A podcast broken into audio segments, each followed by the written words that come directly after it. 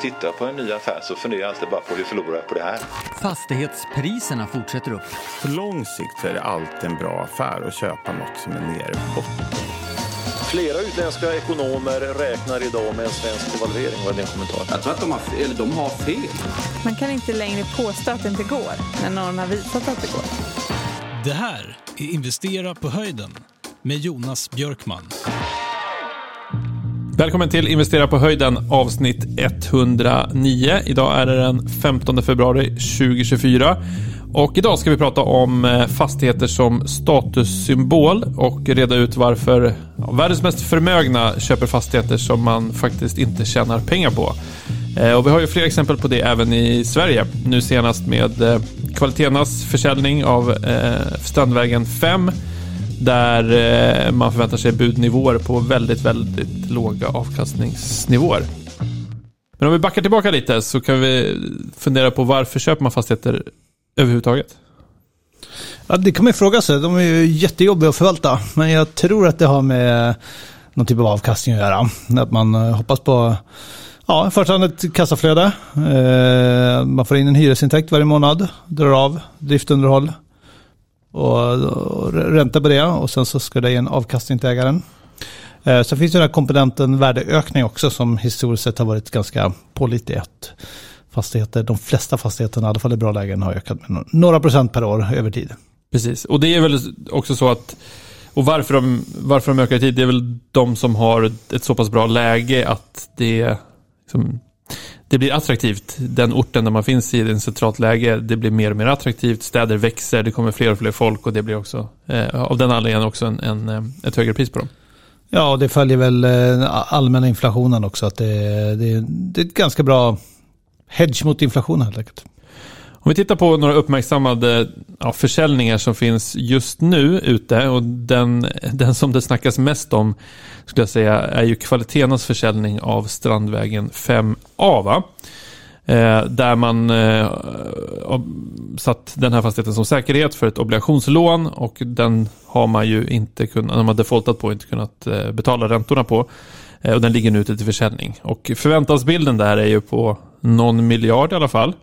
Eh, och jag läste en artikel i DI där man räknade lite på yielden eller direktavkastningen på den fastigheten. Eh, beroende på lite olika scenarier så landar man väl ungefär på 1,8 procents yield om man nu skulle sälja den för runt, runt en miljard. Eh, men det finns också fler exempel på transaktioner som har skett i Stockholm bland annat där man ser den här typen av, av eh, väldigt, väldigt låga direktavkastningar. Ja, det, det, det ska vi vara medveten om att om det är 1,8 procent, jag tror det var 1,5 procent yield till och med. Eh, men 1,8 var best case scenario vad jag förstod. Men eh, har man då en eh, ränta på 5 och en amortering på 2 på det, då är det ju en eh, rätt stadig minusaffär. Ja, precis. I det så pratar de om, räkna på den här typen av en normal ränta eh, i, i dagens klimat så skulle man då göra en förlust på ungefär 7,6 miljoner baserat på de här antagandena för 2023. Och det är klart, vem vill äga en fastighet med den typen av förluster varje år? Ja, det är ju alltid jobbigt att absorbera den typen av förluster såklart. Eh, kan man ju tänka sig att den köparen är inte någon som eh, investerar för kassaflöde utan eh, ofta kan det vara någon typ av privatperson, förmögen privatperson som ser det lite som en eh, statussymbol såklart och eh, att den konserverar värde över tid. Att eh, du har en viss värdeökning på den där eller åtminstone inte någon rejäl sänkning utifrån läget. Där var, adressen där var Strandvägen 5A va? Så att det är ett riktigt fint läge. Så att eh, man, man kan nog tänka sig att den, den kommer att hålla sig ganska bra i värde och gå att sälja om några år. Och har du extremt mycket pengar och ligger redan tungt på, ja, på börsen och allt vad det är så ja, då kanske det passar bra in i portföljen att äga en liten god bit på Strandvägen. Men vill man verkligen äga någonting som man gör förlust på? Det här i och för sig ska man säga att när det räknar så räknar man med en belåning på de här fastigheterna. Väldigt många av transaktionerna som görs både i, Sverige men också globalt. Det finns ju andra toppmarknader, London, det största, eh, där det är väldigt många utländska ägare från Hongkong bland annat förmögna som, som står för absolut största delen av, av ägandet i London. New York drar ju till sig såklart Ehm, Singapore. Det finns många väldigt starka fastighetsmarknader globalt där man då köper av just det syftet. Men väldigt ofta så är de också obelånade. Ja men så är det såklart. Och att, att köpa fastigheter med lågt kassaflöde är ju även vanligt på egentligen mycket sämre lägen och mindre orter där vi såg, i alla fall under eh, högkonjunkturen här för några år sedan, att man eh, köpte eh, den här typen av hyresfastigheter i syfte att ombilda till BRF till exempel.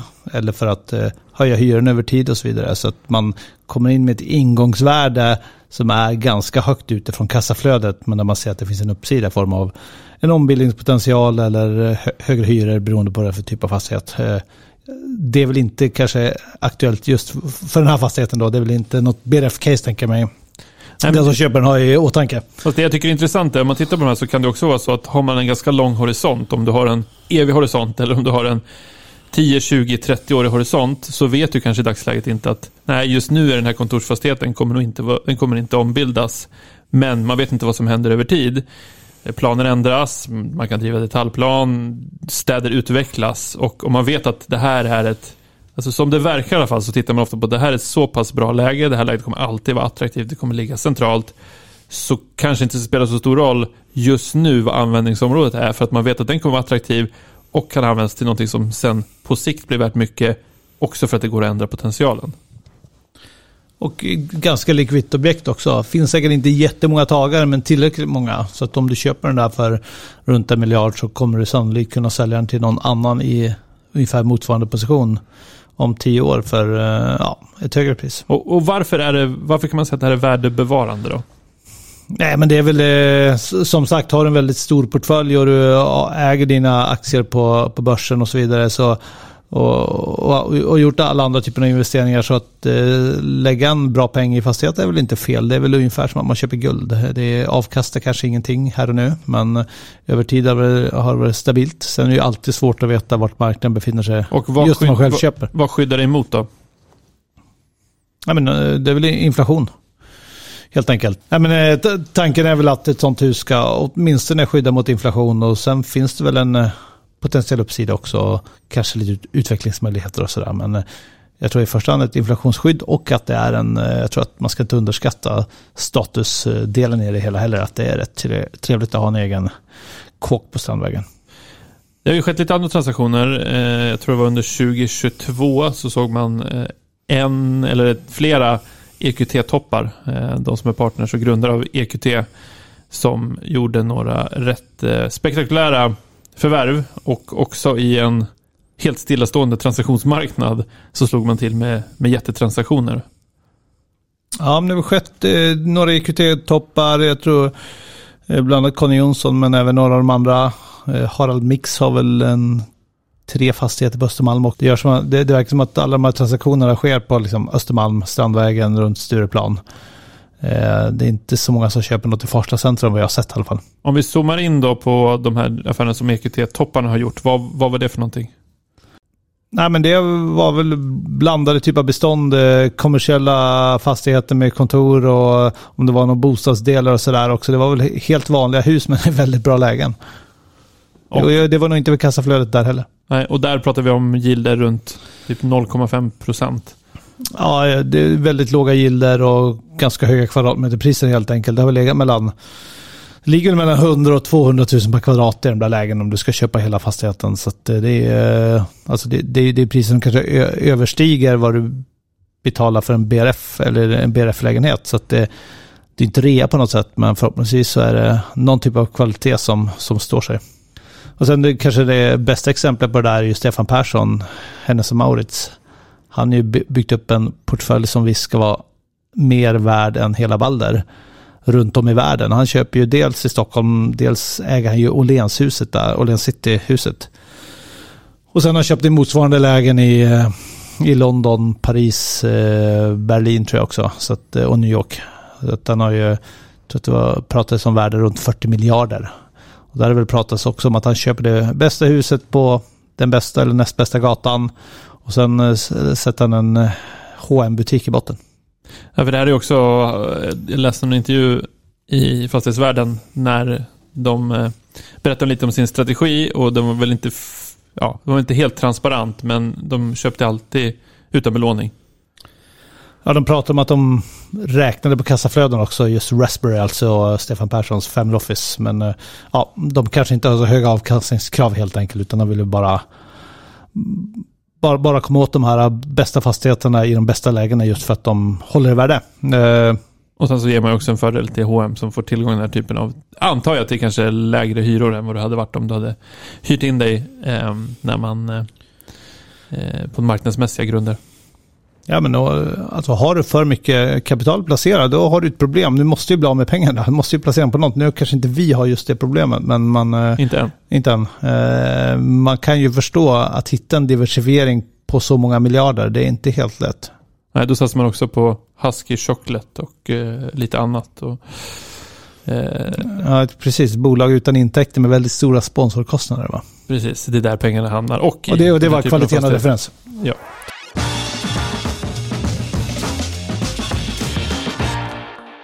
Sen har vi en annan kategori av prestigefastigheter och det är ju alla dessa skyskrapor eller liksom prestigeobjekt som alltid kommer i slutet av en konjunkturcykel känns det som. Eh, I Sverige, vad har vi där? Vi har Oscar Properties Norra Tornen. Eh, vi har Karlatornet i Göteborg. De känns som att alltid planeras när det är väldigt, väldigt goda tider och så kommer de ut på marknaden när det är betydligt tuffare.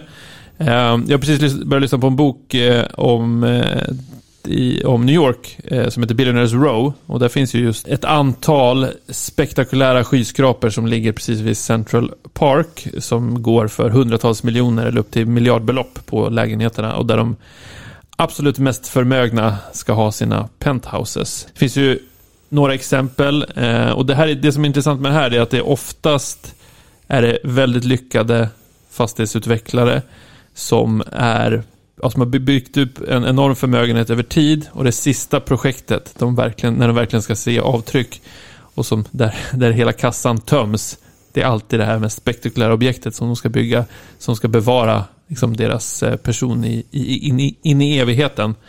Um, det finns ju ett exempel som heter Harry, eller han heter Harry McLow. Han eh, satsade allt på det här på 432 Park Avenue där han skulle bygga, det är ett av världens största bostadshus. Den är 425 meter hög och eh, han gick ju in i finanskrisen 2008 och eh, när han inte kunde betala räntor på lånen han hade för det här bygget så förlorade han bland annat Chrysler Building som han hade pantsatt för, för att kunna få loss pengar till det här. Eh, sen kom han tillbaka 2010 och färdigställde byggnaden 2014. Då var det lite skakig marknad, men sen dess så lyckades han faktiskt sälja det här och det blev väl till slut en, en, eh, en succé. Men det tog ju tio år någonting innan försäljningen kom igång och han var ju i princip bankrutt där i, sam, i, i finanskrisen. Så det är också en fråga, liksom, varför hamnar man här? Eller varför hamnar man där när man har haft så stora framgångar och varför tar man den här typen av, av risk? Det är väl alltid det där adrenalinet att få göra nästa stora grej. Det är relativt få som lyckas bromsa exakt rätt tid. Utan menar, om du ser på helt vanliga projektutvecklare i Sverige också så, ehm, så bygger man lite större projekt hela tiden. Man börjar göra ett antal enheter, så gör man ett lite större och större projekt och sen så stoppar man in alla vinster i nästa projekt. Och när nästa projekt går i stöpet då har du förlorat allt. Det här är inte bara ett större projekt av samma typ, utan här är oftast något väldigt spektakulärt. Det är en viss arkitektur. Alltså det, Norra tornen är ju häftiga och liksom förändrat stadsbilden. Men det är ju det byggdes ju också när Oscar Properties hade ganska stora problem och det är fortfarande stämningar därifrån som, som drabbar Oscar Properties nu. Ja, och det har väl inte varit helt smärtfritt fritt runt eh, Karlatornen heller. Eh, såg du affären som annonserades här, var det förra veckan eller, eller när det var att eh, Balder och Serneke säljer mark till kommunen. 151 000 kvadratmeter byggrätter till kommunen för en miljard, men med rätt att återköpa det. En återköpsoption, alltså på alla de fall, alla fall delar av marken. de här låg i anslutning till Karlatornet, eller? Ligger runt om Karlatornet. Och Eh. var det här mark som skulle användas för att bygga en till? Exakt, det, det finns en detaljplan som tillåter eh, eh, hus på, jag tror att det var, eh, ena var 17 våningar, den andra 27 och så fanns det någon som var ännu högre.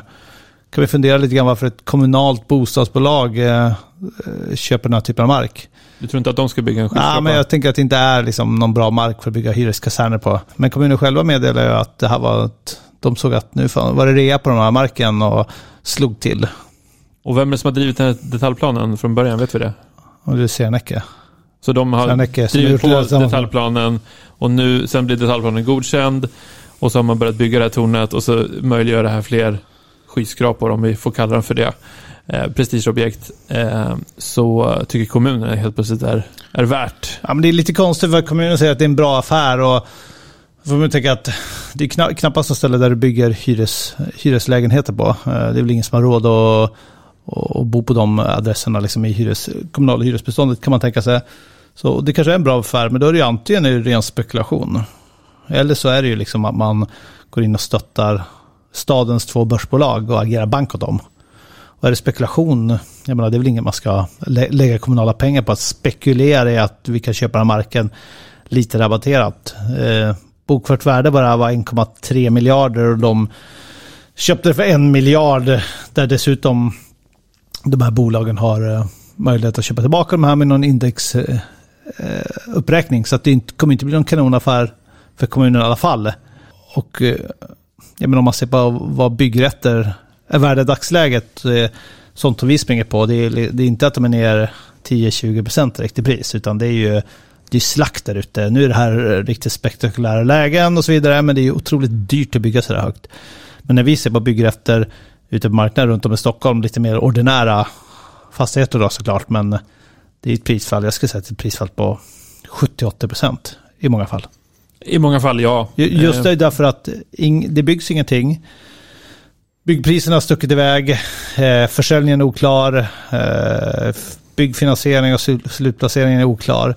Så att det säljs med otrolig rabatt. Så att, eh, därför framstår det i alla fall som att det inte var något superpris kommunen fick. Och för det andra, ska de agera bank åt två börsbolag? Det är ändå en miljard skattepengar som ska ut. Tycker det känns... Eh, ah, det verkar märkligt. Har inte de fått in de här pengarna sen tidigare då, i att, att eh, Serneke och eh, Balder var det, har eh, förvärvat marken sedan tidigare? Eller förvärvade man marken innan och drev detaljplanen? Nej, jag kan inte hela bakgrunden. Ofta är det så att man, man, man köper den till visst pris och sen får den något helt annat pris eh, eh, när detaljplanen är klar. Och det är klart att marken är värd mer när Karlatornet står där än när ingenting var byggt. Så är det ju, men eh, samtidigt eh, 1,3 miljarder för marken kanske var att ta i. De här bolagen är väl inte kända för att vara så konservativa med sina värderingar i böckerna heller. Så att, eh, frågan är, har det någonsin varit värt 1,3 miljarder den här marken eller ens en miljard?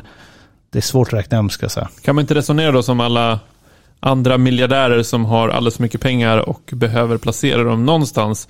Att det här är ett läge som på lång sikt kommer bevaras och det kommer alltid vara attraktivt. Ja, säkert. Jag vet inte om det är kommunens roll bara. att vara den som köper. Plus det är bara mark också. Det, det står ingenting där vad jag förstår. Så att, eh, det, det är möjligt att det finns någon, eh, finns någon affärsnytta i det här som jag inte ser. Men just kombinationen att det är kommunen som köper, att de här bolagen är lite pressade och att det är Göteborg gör att man blir lite misstänksam. Ja, de har inte ett jättebra track record på, på den fronten.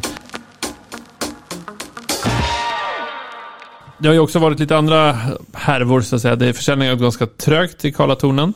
Ehm, De gick väl ut för några veckor sedan och eh, för att genomföra den här försäljningen så lämnade man en garanti också. För att eh, om man köpte lägenheter va, så garanterar de priset på Ja, precis. Det är ju ganska ovanligt. Jag tror jag aldrig sett en återköpsgaranti. Det känns som en ganska märkligt upplägg också. Men var det en återköpsgaranti eller var det en, en eh, Köpte man tillbaka till ett visst pris om man tecknade sig för en lägenhet? Eller hur var den konstruerad? De garanterar pengarna om du inte lyckas sälja lägenheten inom sex månader för ditt inköpspris via en, bosta- via en fastighetsmäklare helt enkelt.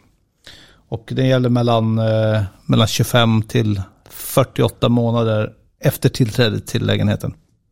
Okej, så de garanterar alltså priset. Jag, köper, jag tecknar mig för lägenheten, jag flyttar in. Ja, Då garanterar man en, att priset bibehålls vid en eventuell försäljning om man inte skulle trivas eller om man vill sälja den. exakt. Om du säljer via en, eh, en, en, mäklare som Serneke Bostad har.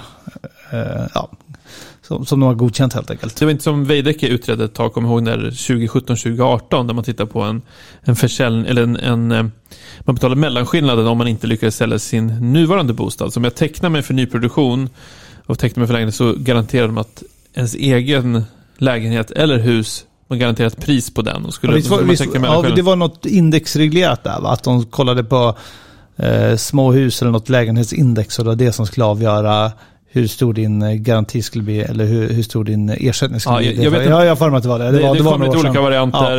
Eh, Det har väl diskuterats nu också för att man ska få igång försäljning av nyproduktion. Men det är svårt att lämna den typen av, av garantier. Men med ett sånt här åtagande, då, jag vet inte hur många lägenheter det handlar om, men det är ganska stort åtagande om man ska garantera priset på de Ja, här. frågan är om man gör det. Liksom. Det är ju nästan, man skulle vilja ha det där återförsäkrat, nästan ett sånt åtagande. Jag menar, Serneke Bostad är väl inte känd för att vara, ha en jättestark balansräkning eh, eller su- superstabil ekonomi. Så att, eh, Nej, det är väl en del av eh, Doxa, va? Numera. ja, precis. Det är de som äger nu. Va? Så frågan är vad det här är värt egentligen. Spekulerades på, på något annat håll om att det skulle bli rusning för att nu kunde man köpa de här lägenheterna riskfritt och bara ha en potentiell uppsida. Men jag, jag tänker ju att om... Jag, jag tänker så här att... ehm, Det är också en fordran mot eh, ett bolag, en, en icke säkerställd fordran på ett, Ja, på ett ja bolag. och rasar marknaden kommer alla vilja sälja för baka sina pengar och då kommer, kommer Serneke ha, ha, ha det väldigt tufft i och med att fastighetsmarknaden ju har rasat och då kommer de verkligen inte kunna, kunna betala ut det här. Så att, eh, det är egentligen bara en stabil marknad men du har lite otur med tajmingen som jag tror att det här skulle kunna liksom, ge någon extra säkerhet. Jag, jag, jag tycker överhuvudtaget att den här typen av garanti eh, framstår som ganska oseriöst. Så att det tappar nästan liksom Sugen på att flytta till Karlskrona? Ja, nästan sugen på att flytta till Göteborg faktiskt. Nej, men, eh, jag tycker det framstår som att man är väldigt desperat och man kan frågasätta liksom hur deras finansiella ställning överlag i och med att eh, de, verk, de måste ju verkligen bra med den här lägenheten. Det är rätt tydligt när man lämnar här garanti. Eh, jag har aldrig sett det i någon bransch tidigare. Hur, eh, vet vi hur många lägenheter som det fortfarande saknas? Eller som, som fortfarande inte är sålda? Ja, men enligt eh, senaste uppgiften jag såg så är det 92 av 611 lägenheter som är, eh, som är osålda. Sen vet jag inte om det är de bästa eller sämsta, dyraste eller billigaste lägenheterna. Men alla de här är färdigställda? Ja, det ska de ha. Men passa på för att det gäller bara till 31 mars 2024. Men det är inte bara i New York och i Stockholm och Göteborg som man kan hitta den här typen av eh, prestigeobjekt. Det har ju även dykt upp lite sånt i dina gamla hemtrakter, eh, Övik. Ja, lite mindre skala kanske. Det är ju en eh, framgångsrik däckgrossist som har byggt om slanghuset vid gamla brandstationen till någon Vad- typ vad är av... slanghuset? Ja, men det är ett hus där man hängde upp slangar för att vattnet skulle rinna ut. Efter användning. Så man har byggt om det där till en ganska spektakulär lägenhet. För 30-40 miljoner.